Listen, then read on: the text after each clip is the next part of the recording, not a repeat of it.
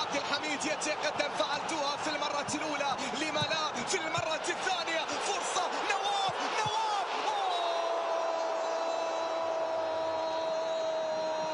ما زالت قائمة السعودية مستمرة تصويب الله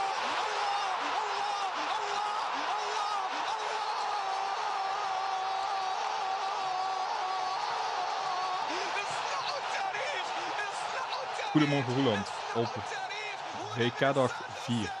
Goedemorgen. WK-dag 4, gisteren hadden we WK-dag 3, eh, vanzelfsprekend. Eh, waarvan vier wedstrijden werden gevoetbald.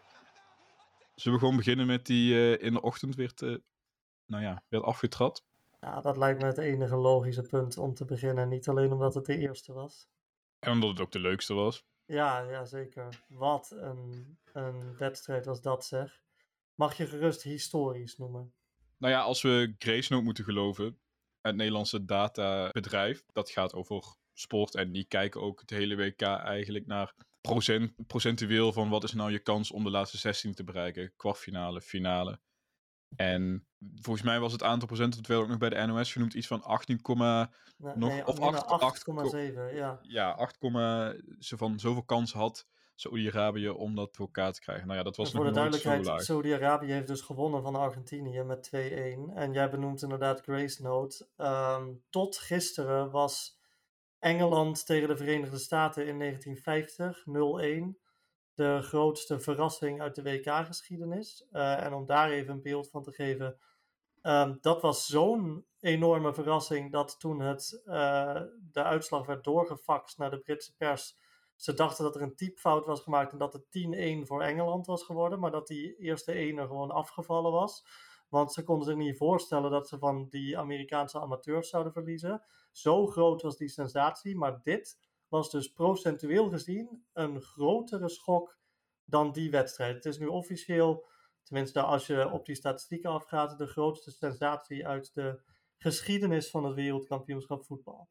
Ja, en een ander is natuurlijk nog, die staat ook in hetzelfde rijtje, Spanje-Zwitserland. eh, Ja, in Zuid-Afrika 2010. Toen Spanje met 0-1 verloor. Dat is overigens het enige land dat zijn eerste wedstrijd verloor. En vervolgens wel nog wereldkampioen werd. Ja, maar Argentinië zal zich daaraan vastklampen. Ja, dat, dat dat Spanje toen gelukt is. Ik hoop wel dat ze leuker voetballen dan Spanje toen. Ehm, maar dat, ze- daar zag het er gisteren ook niet naar uit. En het was raar, want toen Saudi-Arabië op een gegeven moment voorstond, ik heb geen moment gedacht tijdens die wedstrijd dat ze dat nog uit handen gingen geven. Ik vond Argentinië echt wel heel flats in de manier waarop ze met die achterstand omgingen. Normaal verwacht je dat ook wel, hè. Dan komt zo'n ploeg op 1-2, Saudi-Arabië in dit geval. Dan verwacht je van die tegenstander die al zo lang ongeslagen is, een record kan gaan vestigen. Samen met Brazilië de topfavoriet is. Ergens verwacht je dan wel weer rond die 70 minuut, hey, hier gaat het 2-2 vallen en vervolgens valt er nog een 3-2 en 4-2. En Ja. dan eh, heeft Saoedi, eh, Saoedi-Arabië zich kranig geweerd, maar dan is het dat ook wel. Ja, maar knap, want ze hebben in de eerste helft eigenlijk vier tegengoals gekregen. Daarvan werden er drie afgekeurd, allemaal terecht. Maar ja, dat is dan toch, dan zit je dus in de kleedkamer. Oké, het staat pas 1-0. Maar je, je zou toch zeggen dat je mentaal een behoorlijke tik hebt gekregen als je zo eigenlijk weggespeeld bent in de eerste helft. En dat voegt ja, extra toe aan, aan gewoon de, de enorme schok die, die in die tweede helft is, eh, zich heeft voorgedaan. En, en ik heb in onze voorbeschouwing voor het WK nog wel speciaal gezegd dat ik vond dat Saudi-Arabië een beetje te, te veel geschoffeerd werd. Dat mensen daar, daar echt helemaal niks van verwachten. Terwijl zo slecht zijn ze nou ook weer niet. Maar ja, toen ik dat zei, dacht ik van dan zou je natuurlijk net zien dat ze dan echt kansloos onderaan eindigen in die pool zag ik ook wel heel erg aankomen. Dus ik ben altijd wel overtuigd geweest van de kracht van dit Saudi-Arabië. Maar zelfs ik had in geen 100 miljoen jaar verwacht dat ze dit in hun mars zouden hebben. En zij zelf eh, volgens mij ook niet, als ik naar de reactie kijk. Ja, dit kun je ook best wel op het konto schrijven van de bondscoach Renard, toch? De Fransman. Ja, altijd al fan van geweest trouwens. Want daar wilde ik even op ingaan. De VAR had zo'n ongelofelijke invloed op deze wedstrijd. In zowel negatieve als positieve zin. Om met de negatieve te beginnen. Dat werd gisteren op social media de VAR-schwalbe genoemd. Oftewel, een schwalbe die er pas is sinds dat de vader is. Dus hij bij de minst of geringste aanraking gewoon lekker gaan liggen. Dat wordt, werd in uh, sociale media werd dat de VAR-schwalbe genoemd. Een schwalbe die er eigenlijk pas is sinds dat de VAR aanwezig is in het voetbal. Dus bij de minst of geringste aanraking in het strafschopgebied je gewoon laten vallen. En dan op het moment dat de scheids moet gaan kijken, dan weet je, nou die kans, die kans op een penalty is gewoon 99% toen werd er ook gesproken over van, hey, is En dat was dan bij die, bij die penalty van Argentinië, bedoel je? Ja, bij die penalty van Argentinië en die vervolgens uh, de 1-0 oplevert voor uh, Argentinië door een goal van Messi. En toen werd er gesproken, is de strafschop nog wel steeds de juiste strafmaat voor bepaalde overtredingen? Dat deed me ook denken aan een stuk, ik weet niet hoe lang dat geleden is, maar dat stond in een correspondent. Uh, er werd een heel stuk geschreven, ik weet niet meer door wie. Ik ga hem straks in de show notes erbij zetten trouwens. Echt een heel interessant stuk, wat ik me kan herinneren. Bijvoorbeeld, je wordt op de rand van het strafschopgebied neergehaald. Met nog vijf andere verdedigers in, uh, in, die, in dat gebied. Twee mede-aanvallers, je wordt daar neergehaald en je krijgt een penalty. Hoe groot is je scoringskans op dat moment geweest? En is een penalty dan wel de juiste strafmaat? Moet je dan niet gewoon zeggen, hé, hey, we gaan voor een indirecte vrije trap? Of moet je juist helemaal gaan zeggen, we gaan het strafschopgebied vo volledig negeren tegenwoordig. En als jij losgebroken bent en je staat uh, halverwege op de helft van de tegenstander, je wordt daar neergehaald, dan krijg je gewoon een penalty. Mm, ja, ik... Uh... daar werd ook nog de... de uh, ja, ik, ik, ik, ik heb hier ook niet verder niet over nagedacht. En je kunt daar best wel over discussiëren. Je hebt natuurlijk ook nog de strafcorner in het hockey. Ja. Er zijn ook opties, hè, dat je vanuit de achterlijn, uh, vanuit de rand van de 16 bijvoorbeeld op de achterlijn, die bal uh, het gebied in mag trappen als uh, aanvallende partij. Ik, ik ja, door de VAR krijg je natuurlijk wel heel veel meer penalties en dat heb je tot nu, nu toe al gezien. Ik, gisteren die penalty bij Mexico-Polen, we komen later nog op die wedstrijd, vond ik ja. ook geen penalty overigens. Dat zijn allemaal penalties die worden toegewezen eigenlijk aan de VAR. Ja, en uh, ik ben heel groot fan van indirecte vrije trappen in het strafschopgebied. Dus ik zou ja, daar graag meer van zien. Maar uh, om dan toch even advocaat van de duivel te spelen. Als je ook echt onreglementair aangetikt wordt, ook al is het volledig binnen je macht om op je voeten te blijven staan, is het dan echt wel een zwalbe als je gaat liggen.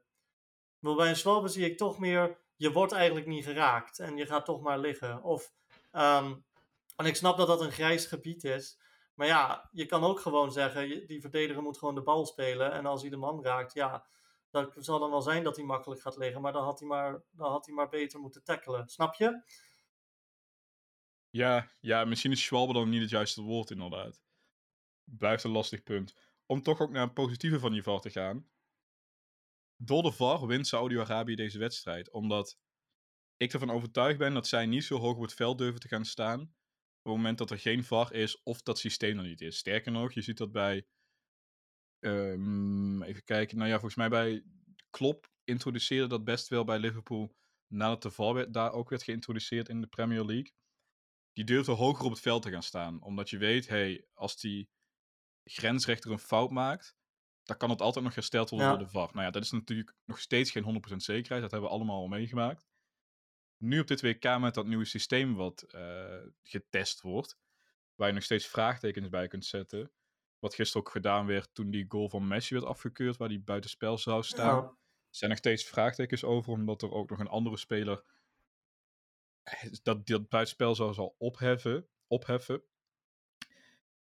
Maar goed, dit is wel precies waarom Saudi-Arabië zo hoog durft te gaan staan. En dat zij op twee dingen kunnen vertrouwen. dat is eerst de VAR.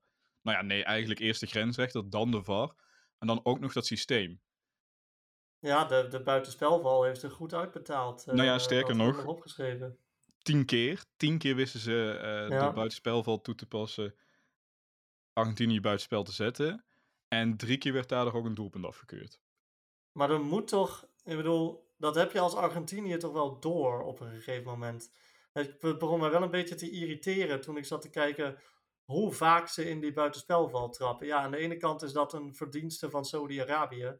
Maar aan de andere kant, je weet er op een gegeven moment dat ze dat proberen te doen. En ze bleven maar buitenspel staan, die Argentijnen. Ja, misschien misten zij ook een soort regie daarover. Want er was op een gegeven moment geen middenveld meer te bekennen bij Argentinië. Je had de verdedigende lijn, dat waren vier personen. de aanvallende lijn, dat waren er vijf. En die stonden, nou ja, die stonden bijna op de middenlijn gelijk met de verdedigers van Saudi-Arabië. Daarachter had je een gigantische ruimte van een, van een meter of 95 à 40. Maar tussen die verdediging en de aanval zat gewoon geen middenveld meer. Dus die hele regie ontbrak natuurlijk ook. Ik En heb, dan ehm, verwacht je regie vanuit, vanuit, vanuit de staf en vanuit de bondscoach. Eh, Maar die was er gewoon niet. Ja, nou, ik, ehm, ik, ik heb bij deze wedstrijd ook wel gemerkt wat eigenlijk voor het eerst echt kunnen zien. Wat Scaloni bedoelde met Lo Celso is onmisbaar in deze selectie. Want dat is nou precies het soort speler waarvan ik dacht, daar zouden ze wel, dat zouden ze nu wel kunnen gebruiken. Normaal, als hij speelt voor Argentinië, is hij echt wel de belangrijkste schakel tussen nou, eigenlijk alle drie de linies. En ja, er, leek, er leek echt wel een soort dissonantie te zijn. Zeker in die fase dat ze eigenlijk moesten scoren. Om er nog een goal uit, eh, uit te slepen. Ja, toen eh, het lukte gewoon niet meer. En dan heb je toch iemand nodig die het overzicht houdt. En die, die ja, eigenlijk het elftal laat stromen. Maar dat gebeurde. Dat zat er gewoon helemaal niet meer in. Nogmaals, ik heb nooit het idee gehad dat Argentinië dat nog om ging draaien. Ik denk dat niemand dat had die dat zat te kijken. En natuurlijk hebben ze ook een beetje pech gehad met die ballen die van de lijn werden gehaald. Op een gegeven moment gingen die eh, spelers van Saoedi-Arabië natuurlijk ook met, met vier man tegelijk op de, op de lijn van het, doel, van het doel staan. Met de keeper daar nog voor. En dan werden er weer ballen van de lijn gehaald. Dan pakte die keeper weer een bal. Er werd er nog een kopbal van Messi gepakt. Daar zat ook wel een beetje pech bij. Maar telkens als die bal weer van het doel weg werd gewerkt, dacht je, ja, dit is meer dan logisch. Dit gaat ook gewoon zo eindigen. Dus dat ben ik het helemaal met je eens. En dat, ik ben ook heel erg benieuwd. Argentinië voetbalt vrijdagavond tegen Mexico. Ja, Hoe, hoe, hoe gaat dat... Wat, gaat het plan worden? Want Mexico heeft natuurlijk ook gezien wat kan. Ik ga ervan uit dat Argentinië niet meer in diezelfde, in, in diezelfde val trapt. Loopt. Ja, want dit maakt deze pool veel interessanter. Eh, ehm, want je zag bij, bij Mexico-Polen ook in de laatste 10 minuten wel dat allebei die teams eigenlijk wel genoegen leken te nemen met een gelijk spel. Ik denk als Argentinië die eerste wedstrijd gewonnen had, dan was dat misschien wel helemaal niet het geval geweest. Want dan, dan was dit echt een cruciaal duel om die tweede plek geworden. Maar nu liggen de verhoudingen totaal anders. En dan zag je eigenlijk dat, dat Polen en Mexico allebei wel zoiets hadden van... Nou, dan nemen we liever dit punt mee. Want we hebben vandaag gezien wat je kan bereiken tegen, tegen Argentinië. Dus daar leken ze toch wel hoopvoller over. Dus dat maakt het leuk. Deze pool is echt, echt wel opgeschud hierdoor. Om het eh, minste te zeggen. Ja, en dat, kun, dat kan zowel Mexico als Polen dan wel denken. Ik denk toch dat Argentinië blij was gisteren dat daar het 1 of eh, 0-0 bleef. Ja, ja, nee, zeker. Dat denk ik ook. Ehm, en uiteindelijk eh, vind ik dit Argentinië ook wel een ploeg die we gewoon in de knock-out fase moeten zien. Maar ehm, het was wel een beetje onthutsend. En ehm, om het dan niet te lang over deze wedstrijd te hebben, wil ik toch nog, maar dan wil ik toch nog wel even aankaarten. Gewoon, dit is het allereerste Arabische WK ooit. En er is natuurlijk van alles mis mee. Het enige wat ik er altijd mooi aan heb gevonden is dat het echt een, een feestje is voor de Arabische wereld. En dit is misschien samen met Algerije, West-Duitsland 1982 de allerberoemdste nou, voetbaloverwinning in de Arabische geschiedenis op dit Arabische WK. Dat is, eh, ja, dat is heel poëtisch en ehm, mooi om te zien. Nationale feestdag in Saudi-Arabië. Vandaag kunnen Ja. ze gratis naar drie pretparken daar. Dus eh, ja, bizar, bizar. Stel je voor dat je gewoon, ik bedoel, die Saudi stappen gewoon in hun auto naar, naar dat stadion vanuit Saudi-Arabië. Om Messi te gaan bekijken, toch eigenlijk. En dan na 90 minuten ben je hier getuige van geweest. Wauw, wat, een, eh, wat een ervaring moet dat zijn geweest. Ja, nog heel even één ding uit- die wedstrijd te noemen. Eh, dat ik, ben, ik weet zijn naam niet. Eh, ik lijk nu een beetje Marco van Basten, die eh, slecht voorbereid in de studio zit. Maar ik weet zijn naam even niet. Maar die verdediger die vol de knie van zijn keeper tegen zijn gezicht aankreeg. Volgens mij was dat Yasser al-Shahrani. Nou ja, kijk, die had uiteindelijk een gebroken kaak, gebroken jukbeenderen en inwendige bloedingen. Dus die is ook al onder het mes geweest, las ik. Dat Maar- was echt gruwelijk. Ja, dat ging zo ongelooflijk hard. dat zag je ook echt aan de reactie van de keeper. Die was totaal aangestakt. Die dacht, ja, ik heb hier gewoon iemand hier een doodschop gegeven. Ja. Goed. Uh, ehm, nee, dan wil ik ook nog, als we, uh, dat was nog vergeten, um, ik vind het eigenlijk de Natuurlijk. mooiste goal van het toernooi tot dusver. Die, die 2-1 van uh, Aldo Sari. Dat is echt, ja, ja hij, hij, nam het met een beetje geluk mee, maar zo'n krullende bal in de verre hoek, uh, ja, fantastisch om te zien. En ik hoop dat dit een opmaat is voor, uh, voor meer. Maar ik wil in elk geval nooit meer iemand horen zeggen dat Saoedi-Arabië het, het symbool van een slecht voetballand is. Dat zijn ze gewoon niet. En dat hebben ze gisteren, nou, voor de eeuwigheid bewezen. Een klein uurtje nadat die wedstrijd af was gelopen, begon uh, Denemarken te voetballen tegen Tunesië.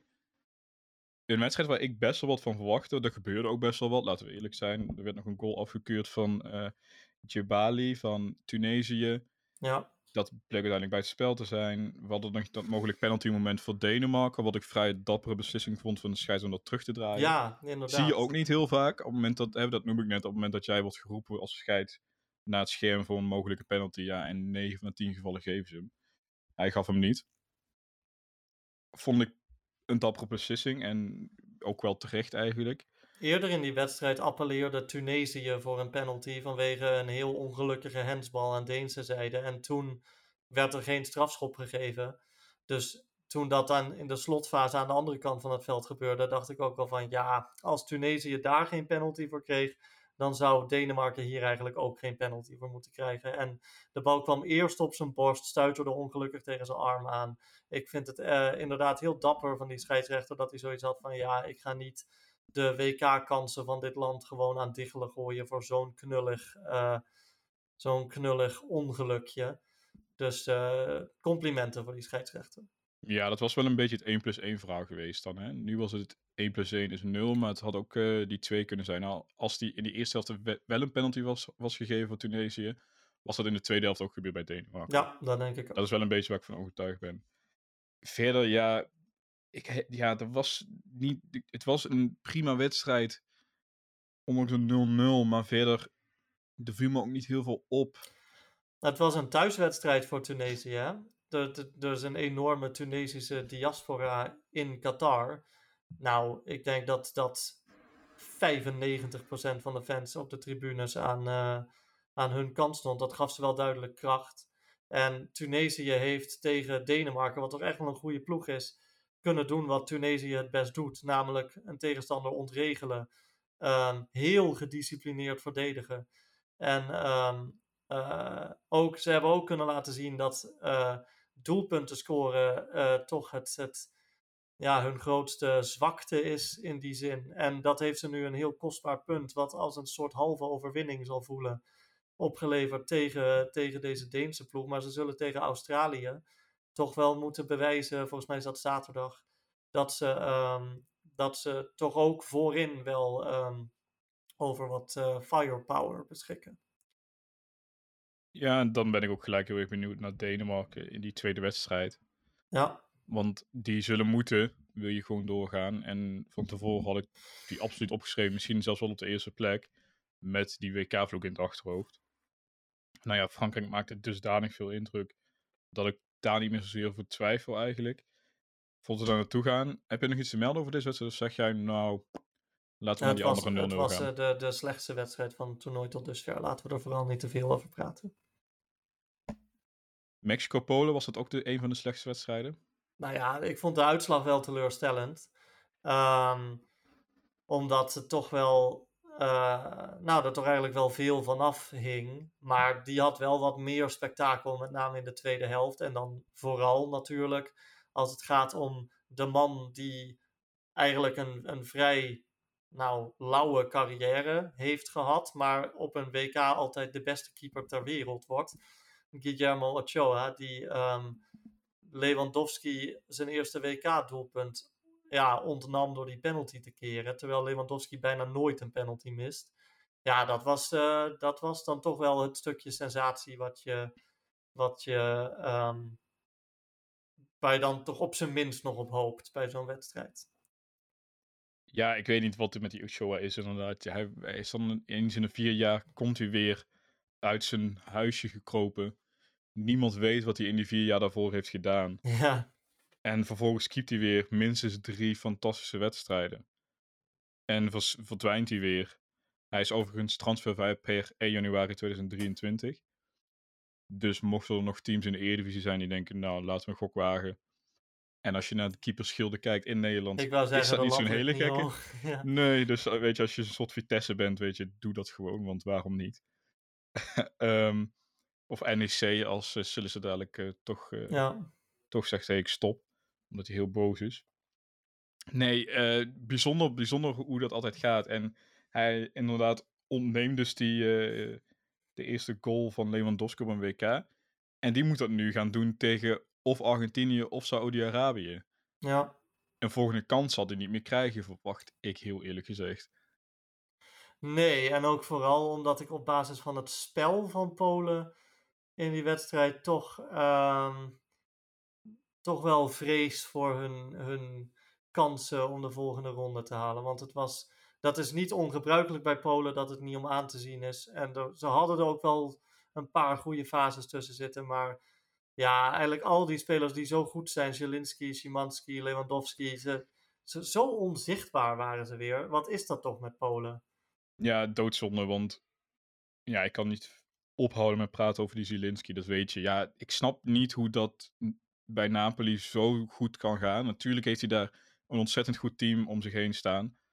Maar het is niet dat Polen koekenbakkers zijn of zo. Het is gewoon drama het wordt gewoon dramatisch aangepakt. Ja, En dat levert dan dit, dit soort voetbal op. Dat zag je op het vorige WK ook. Ja, dat is gewoon echt niet goed. het is dat Mexico echt heel slordig was bij de laatste paas steeds in een aanval. Anders dan hadden ze dit ook gewoon verloren. Ik denk wel, ondanks die strafschop, die eh, ik vrij cheap vond, dat Mexico meer aanspraak maakte op drie punten dan, eh, dan Polen. En dat die dus denk ik ook meer zullen balen van dit resultaat dan, eh, dan Polen. Ja, ik denk dat bij Polen Chesney met heel veel tevredenheid dat veld afloopt. Want die heeft nog wel wat pech gehad op eindtoernooien. Ik Ja. dacht nog, hij zat in de eerste helft zat hij één keer mis bij een bal. Toen dacht ik, nee joh, het zal toch niet dat je weer in, in zo'n eerste wedstrijd een blunder maakt. Maar dat werd niet eh, afgestraft door eh, Mexico. Ik denk dat dat de enige man die is die echt tevreden het veld afloopt. Veld afloopt. Verder zag je Lozano ook veel aan de bal. Mm, maar die was, ja, Veel was- ruimte kreeg hij. ja, die kreeg heel veel ruimte. Maar wat dat betreft kon je hem dat ook geven, want hij deed er niet zo heel veel mee. Nee, klopt. Dat was gewoon niet zo, eh, niet zo heel sterk. De laatste stap maken naar de laatste wedstrijd van eh, gisteravond. Ja, Frankrijk, twee keer 0-0 Australië. gehad, dus ik hoopte op veel goals. Nou, vijf goals is best veel. Ja, begin, begon met, die, eh, met dat vroege doelpunt van Australië in de negende minuut. Van eh, oud-Spartaan eh Goodwin. En dan denk je, gaan we nou twee sensaties op één dag zien? Ja, dat denk je, maar dat, dat denk je 10 minuten. En toen stond het nog steeds 0-1. Maar toen zag je wel, ja, dit Frankrijk is Ja. veel en veel beter. Nou, je dacht het ook wel omdat Australië wel een, een bizar... Die, die kwamen wel heel sterk uit de startblokken. Of Frankrijk begon gewoon heel slecht, een van de twee, of allebei. Maar eh, ja, vanaf het moment dat Frankrijk het heft weer in handen pakte, hebben we Australië eigenlijk, nou denk ik, één keer nog voor het doel gezien. En ehm, dat Frankrijk Australië dan ook nog met drie kopgoals vooral op lengte geklopt heeft. Wat toch eigenlijk de kracht van dit Australië zou moeten zijn. Als ze die al hebben. Want ik vind Australië misschien wel de slechtste ploeg op dit hele toernooi. Ehm, ja, dat is dan extra pijnlijk wel. Ja, je ziet dat. Ik, ik, heb, ik schreef op van, hey, Frankrijk was echt heel goed. Maar misschien was dat ook wel gewoon een beetje die cliché, omdat Australië ook gewoon echt wel heel slecht was. Na die eh 0-1. Daar kwam weinig meer uit. En ook niet zo heel gek met zo'n, met zo'n selectie. hè. Daar kun je ook niet heel veel van verwachten. Dat je überhaupt naar de eerste, het eerste kwartiertje al kunt, wat kunt laten zien, is al tof. En eh, dan moet je gewoon tevreden van het veld afstappen. Dat deed die bondscoach Arnold volgens mij ook wel. Die zag je na de wedstrijd nog een eh, heel kort interview doen met eh, Joep Schreuder. Nou, die leek er wel eh, berust in te zijn. Ik denk niet dat Australië vooraf gepland heeft dat ze eh, in een scenario dat ze doorgaan naar deze pool dan Frankrijk zouden verslaan en dan wel zouden zien in die andere twee wedstrijden. Nee, dat had niemand verwacht. En zij zelf ook niet, inderdaad. Zij wisten wel, maar dit is een beetje figurant. En eh, pomp al gewoon je energie in het begin eruit. Kijken wat het oplevert. En misschien kun je een keer juichen. Nou ja. dat gebeurt. Ze hebben in elk geval een goaltje gescoord. Volgens mij heeft Australië op het vorige WK alleen maar uit penalties gescoord. Dus uh, dat is in elk geval leuk voor ze. Was ook nog Ja, een mooie goal. Ja, het was een prima goal met die voorzet van Lecky. Nou ja, die, leuk. Ehm, vervolgens begon Frankrijk echt te rollen. En dan toen vond ik Dembélé heel erg goed aan die rechterkant. Eh, dat kwam ook wel omdat Pavard achter hem vond ik niet zo goed. Dus Dembélé kreeg ook wel die ruimte ehm, om goed te zijn. Mbappé spreekt voor zich, denk ik. Ik vond Griezmann in die eerste helft heel erg goed. Die, ja, de tweede eh, helft was minder. Ja, die die werd ook gewisseld, toch? Ja, uiteindelijk, ja, zeker. Ja, ja, ik vond hem vooral de eerste helft vond ik hem eh, echt wel heel goed. Ja, Giroud, ja, die evenaart eh Henri. Ja, Niet gescoord op het, op het WK waar ze wereldkampioen werden. Wel heel belangrijk overigens voor die wereldtitel, maar niet het eh, net gevonden. En nou gisteravond twee keer. twee keer een intikker en een kopbal. En nog bijna met die omhaal. Ja, Ja, ja dat, ik, ik gun, dat, dat gun ik hem heel erg. En meest, ik ook. meest onderschatte, dat, dat werd over een andere Franse spits ook al gezegd. eh, een paar jaar terug, Benzema. Die heeft het nu het tegendeel wel bewezen. Nou ja, dat niveau heeft hij niet. Ehm, maar alsnog wel een van de meest onderschatte spitsen ter wereld. Ik denk dat, ehm, eh, dat de vrees bij de Fransen over hun, hun stootkracht voorin, door de afwezigheid van Benzema en Kunku, ehm, dat die wel een beetje afgenomen is door deze wedstrijd. Ja, want dat is gewoon ook echt steeds zo ontzettend sterk. Ja, Jammer dat Lucas Hernandez eh, vervolgens het veld moet ruimen. Ook niet meer in ja actie zou komen WK. blessure, ja. Ja, eh, pijnlijk. Natuurlijk in de eerste plaats voor de jongen, maar ook voor Frankrijk. Toch die vaste waarde daar linksachter. Daar zal die vervangen worden door zijn broer, net zoals gisteren waarschijnlijk. Ja, pijnlijk. Wat vond je van het middenveld? Ehm, ik, nou, het eh, moest wel even op gang komen dus. Het is wel opvallend om Frankrijk met, ehm, nou ja, de, de, de positie waarin het middenveld stond opgesteld was wel ehm, eh, onorthodox voor ze. Maar uiteindelijk denk ik, kijk, het zijn natuurlijk Chouameni, Rabiot en Griezmann. Dat zijn drie, nou, als dat je middenveld is, dan, eh, dan eh, heb je nog steeds een, een, een wereldklasse eh, middenveld. Ook als Kanté en Pogba niet meedoen. Ik denk dat jij een telefoon, telefoontje krijgt van de moeder van Rabiot, dat je dit zo zegt. Ja, ja. Oh, Maar ga verder. Ja. Ehm, maar ja, uiteindelijk konden ze hun draai wel, wel vinden. En dit is ook wel een middenveld waar ik vertrouwen in heb, mevrouw Rabiot. Dus ehm, dat, eh, dat komt volgens mij helemaal goed. Ja, dat, dat ik, vooral Tchoumeni, eh toch volgens mij 21, 22 jaar, die maakte gewoon echt een hele degelijke, degelijke Ja, indruk. zeker. En eh, dit zal het middenveld worden van Frankrijk. Het WK even blessures en schorsingen buiten, daarbuiten gelaten. Ja, die maakte echt, echt een positieve, positieve en nou ja, verrassende misschien niet het goede woord, maar Hij is natuurlijk het- heel goed. Ja, en dat, dat hele team is natuurlijk heel goed. Maar ik bedoel meer te Ja. zeggen van, hey, het kwam toch enigszins al- als een verrassing voor me dat ze zo uit de VF konden komen. En dan, vooral als je dit kalenderjaar hebt zien voetballen. Dat was gewoon niet om aan te zien en gewoon echt heel slecht.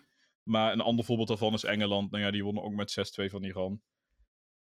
Ze moeten het Ja. wel nog gaan laten zien tegen een groter team. Frankrijk kan dat straks tegen Denemarken. Ben ik dan wel heel benieuwd naar. Denemarken kwam nu natuurlijk veel slechter uit de VF. Zullen we even van het voetbalveld afstappen om de dingen die daaromheen gebeurd zijn nog te benoemen? Ik ben wel Ja. blij dat we het vandaag meer over voetbal kunnen hebben, maar er is wel nog steeds meer aan de hand. Zeker. Wil jij losbranden of eh losbranden misschien niet het goede woord? Ja, nou, volgens mij hoeft het, hoeft er maar heel kort over te zijn. Maar ehm, het is inmiddels duidelijk dat de DFB, de Deutsche Fußballbund, naar ehm, het KAS stapt. Volgens mij hebben die speciaal voor dit WK een snelrechttribunaal ingericht. Eh, want Duitsland wil eigenlijk ja, sportjuridisch laten onderzoeken of de FIFA die One Love band eigenlijk wel mag verbieden. Ehm, en dat. eh, eh, Kijk, toen ik zei, ik hoop dat landen er. Van mij hoeven landen die One Love Band niet om te doen als het niet mag. Maar ik hoop dat ze het er niet bij laten zitten. Nou, dit vind ik daar wel een heel sterk voorbeeld van. Dat, dat er dus een land is Duitsland is sowieso wel altijd, heeft sowieso wel altijd vooraan gestaan daarin. En dat die nou zeggen van, nou ja, volgens mij, volgens mij kan dit helemaal niet. Volgens mij mag dit helemaal niet. Ehm, dat is een sterke zet. En dan ben ik heel benieuwd wat daar dan het gevolg van gaat zijn. Stel dat het KAS zegt, nee, klopt, FIFA, je, je moet die landen gewoon zelf laten weten welke aanvoerdersband ze om hebben. Dan, ehm, ja, dan gaan we denk ik ook beter kunnen zien of dat verbieden van die One Love Band nou het idee van de FIFA of van de Qatarese overheid is. Ja, ik ben benieuwd of dat er überhaupt nog vanmiddag speelt, Duitsland al om twee. Ja, nee, voor, voor dat moment gaat het niet. Maar volgens mij wil Duitsland tegen Spanje heel graag die. Uh, ja, die dus zondag, eh, aankomende zondagavond Ja. om 8. En voor die tijd moet het dan eh, duidelijk zijn. België gaat overigens op. Er was een vrouw, ik, ik weet niet of het een bekend iemand was, volgens mij niet. Die zet op Instagram zo van: hey, als die One Love niet mag, waarom geven jullie elkaar dan niet gewoon een kusje, Jan Vertongen en eh Eden Ik zag het, ja. Ik zag het, Ja, en daar reageerde Jan Vertongen op van, nou ja, laten we dat doen inderdaad. Eh, ik vraag me alleen af of eh, Hazard het wil. Dus die, ja, Mag ook dan, iemand anders zijn dan Hazard van mij hoor. ja, nou ja, kijk, en dan doen ze dat. En dan, eh nou, dat is dan ook een soort protest en gewoon laten zien. En dan midden in dat stadion voordat de wedstrijd begint. Precies, maar dit is, nou, dit is nou exact waardoor ik denk.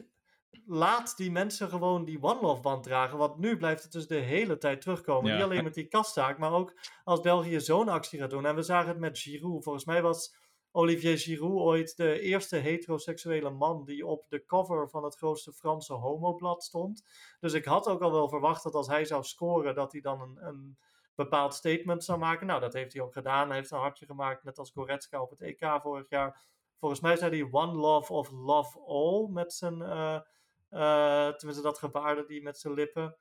Ehm, dus eh, dan denk ik, en dan denk ik dus van ja, nu, nu doe je het zelf, FIFA. Want als je gewoon die One Love band, als je ze gewoon laat dragen, dan is het een soort passieve factor in, in al die wedstrijden, die wel steeds zichtbaar is, maar waar nooit de spotlights op staan. Maar nu komt het steeds weer terug en blijft het debat zich voortslepen. Dat is toch eigenlijk wel het tegenovergestelde wat, van wat je wilt. En ze blijven het maar voeden, want ik weet niet of je gehoord hebt van die, ik las dat Braziliaanse fans, ehm, die hadden de vlag van de deelstaat Pernambuco bij zich en daar staat een regenboog in. En die moesten ze ook inleveren. Dat ik echt denk, ja, wil je nou, het lijkt alsof ze olie op het vuur aan het gooien zijn, terwijl zij zelf dat vuur zo snel mogelijk gedoofd willen hebben. Ja, het is allemaal contraproductief. Ja, ze zijn alle, alles behalve kleurenblind eh, daar in Qatar.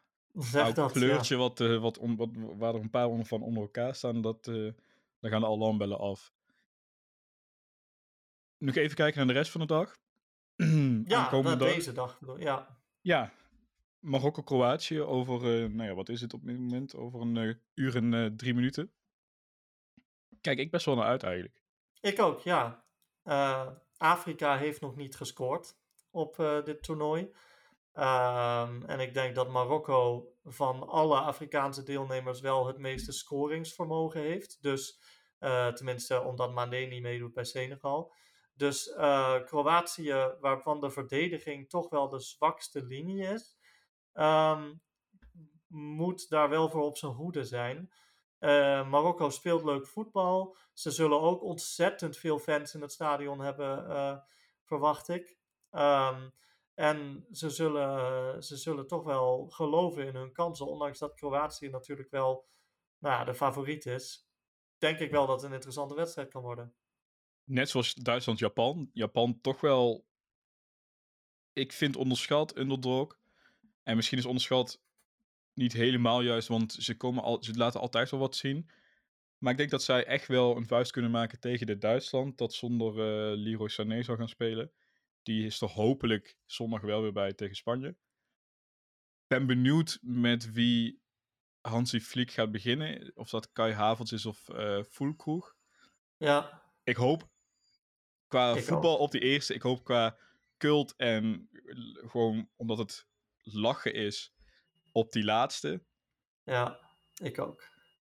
Dan hebben we om Ja, vijf wacht, uur nog... ik, eh, nog even over Duitsland, Japan. Ik, eh, Argentinië, Frankrijk en Engeland hebben nou al wel bewezen dat vorm voor het WK eigenlijk helemaal niks zegt over hoe je aan zo'n WK begint. Dus ik zou op basis van de vorm van, van Duitsland in de aanloop naar dit toernooi zeggen van nou, dan maakt Japan misschien wel een kans. Maar dan gaan we natuurlijk ook zien dat Duitsland opeens weer vlamt en dat ze het dan met 4-0 winnen of zo. Ja, dat zou je natuurlijk ook verbazen. zien. Met hopelijk dan een eh weergaloze Musiala. Ja, Om vijf uur Spanje-Costa Rica. formaliteit. Dat lijkt mij ook. En om acht uur België-Canada. Kijk ik persoonlijk van die hele dag het meeste naar uit. Mede omdat de scheidsrechter die eraan zal treden. Dezelfde is als Tunesië. Ik moet het toch nog een keer noemen. Dezelfde is als eh, op de Afrika Cup tijdens Tunesië-Mali. Die toen in de 85e minuut zijn, bijna zijn laatste adem uitblies. De wedstrijd al afvloot. Waarna iedereen dacht van wat gebeurt hier. Zeiden oké, oh, inderdaad, ik heb te vroeg afgefloten. We voetballen weer door. Vervolgens krijg je nog een valmoment. Er gaan minuten overheen. En fluit hij vervolgens in de 89,5e minuut of zo. Ergens rond die ja. 90ste minuut eh, fluit hij gewoon weer te vroeg af. En nou ja, dat is einde wedstrijd. Die man ja, die fluit hij heet vanavond. volgens mij Gianni Sikaswe en hij komt uit Zambia.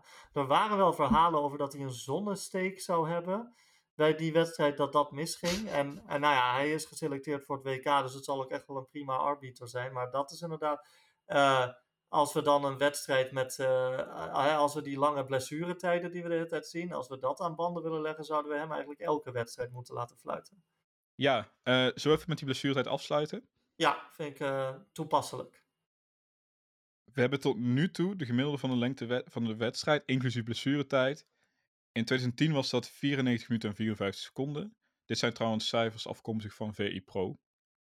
En 2014 was dat 95 minuten en 42 seconden, dus ook alweer iets langer. In 2018, het laatste WK, was dat al bijna twee minuten langer, 97 minuten en 17 seconden. En dit jaar, mag, mag je verraden, Eh, nou, wel dik over de 100 heen. Mhm. Eh, ja, zal het 108 minuten zijn of zo? Nou, iets minder. Eh, Oké. 106 minuten en 12 seconden. Nou, dat, dat is ongeveer hetzelfde. En als je daar die. eh, ja, en als je daar de tijd eh, van aftrekt van Engeland-Iran, want die was natuurlijk wel heel erg groot door die blessure, eh, zou je nog steeds op 103 of 104 minuten uitkomen. Dat doet trouwens nog steeds niet zo heel veel met de gemiddelde zuivere speeltijd. Die is tegenover 2010 met een kleine, nou een dikke twee minuten gestegen. Dat was toen 53 minuten en 27 seconden. Dat is nu 55 minuten en 49 seconden. En om het helemaal onduidelijk te maken in deze podcast, in 2018 was dat 55 minuten en 2 seconden.